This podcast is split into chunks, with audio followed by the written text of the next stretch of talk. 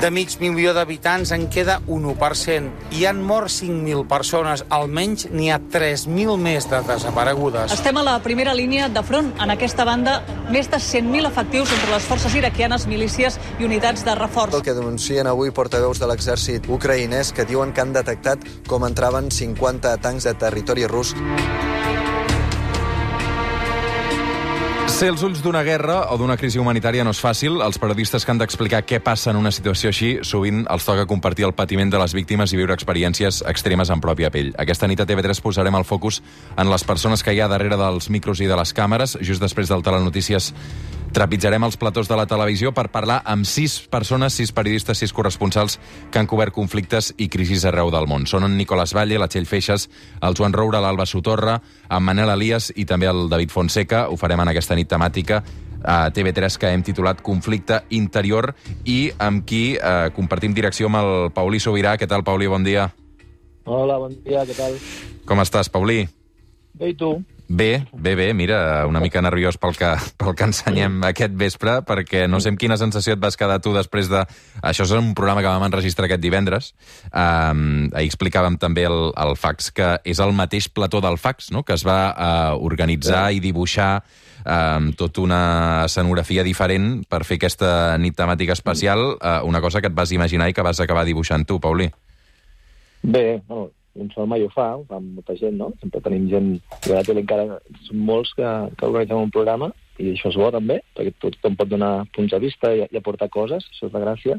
Però sí, és el mateix plató, el plató 1, el plató gran de TV3, i vam desmuntar el FAC i vam muntar aquest programa per, així, de pressa corrent en una setmana, crec que ho hem fet, no? Nosaltres mm. no gaire més, no? Que, que has, has preparat i hem preparat el programa. Tu parlaves d'aquesta escenografia al, al principi quan, quan fèiem les primeres reunions, no? Deies, Mm. farem una mena de teràpia col·lectiva, no? No hi haurà taula. O sigui, és, és, Sí. hi haurà sis persones, eh, farem una taula amb sis persones, però escolta, no hi haurà taula. Fem un cercle, una rotllana amb set cadires i tu també formes part d'una d'aquestes cadires per donar aquesta idea de, de, de, també d'alguna manera de compartir reflexions i, i després explica'm els colors que vas decidir eh, escollir al, al, al plató i, i anem tots vestits d'una manera mm, determinada, concreta, per, per, per ensenyar també d'alguna manera, no anem amb americanes ni amb històries, per, per, per buscar una vessant una mica més càlida, potser, no? Sí, jo crec que tot, eh, tot, el, tot el conjunt de coses que, quan pensàvem en l'imatge del programa, com reflectia un programa que la voluntat del programa era que, que tu tingués una conversa amb ells, que fos una conversa propera, no distant, i, per tant, que les càmeres influïssin poc amb la, amb la conversa. Per tant, la disposició de la gent, el tractament d'imatge del programa, tant amb moviments de càmera, etc, com, sobretot, amb, amb què rebia l'espectador, que al final treballem perquè l'espectador rebi, rebi un missatge, no? I és això, no?, que estàveu tots molt, molt confortables i podíeu parlar de veritat des de l'emotivitat, des de la part personal. Per fer això, doncs, no, no que digui que donem trucs, dir, coses que, que són amanides, no? però eh, per això fem servir colors més càlids. El vestuari vam optar per fer una cosa també, eh, no anem amb americanes i marquem distància, sinó que una, tot molt natural. Jo crec que també us ho vaig dir que, i això ho ha sigut molt bé, de, de, quan poses davant de càmera, cosa que jo no faria mai, és uh, l'actitud natural, no? L'espectador rep, ho entén, i entenc quin llenguatge li vols, què, què vols dir amb aquest llenguatge tant de, de cos com d'actitud, no? De fet, el plató és molt gran, però les càmeres estan amagades. Pràcticament les vas amagar expressament per, perquè Sí. d'alguna manera no ens donés la sensació de que ens estaven filmant tota l'estona, no?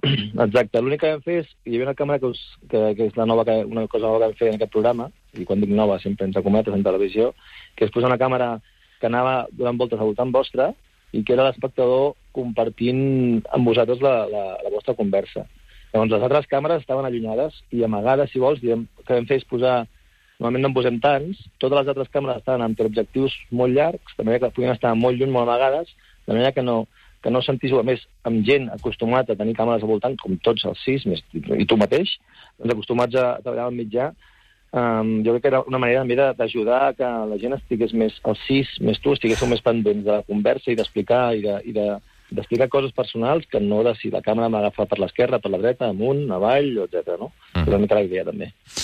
Tant de bo vagi bé. Uh, Paulí Sobirà, moltes gràcies per haver-nos-ho posat tan fàcil i, i ens veiem aquesta nit. A, a tu per compartir-ho i a tot el teu equip també. Una abraçada, fins ara. Adeu.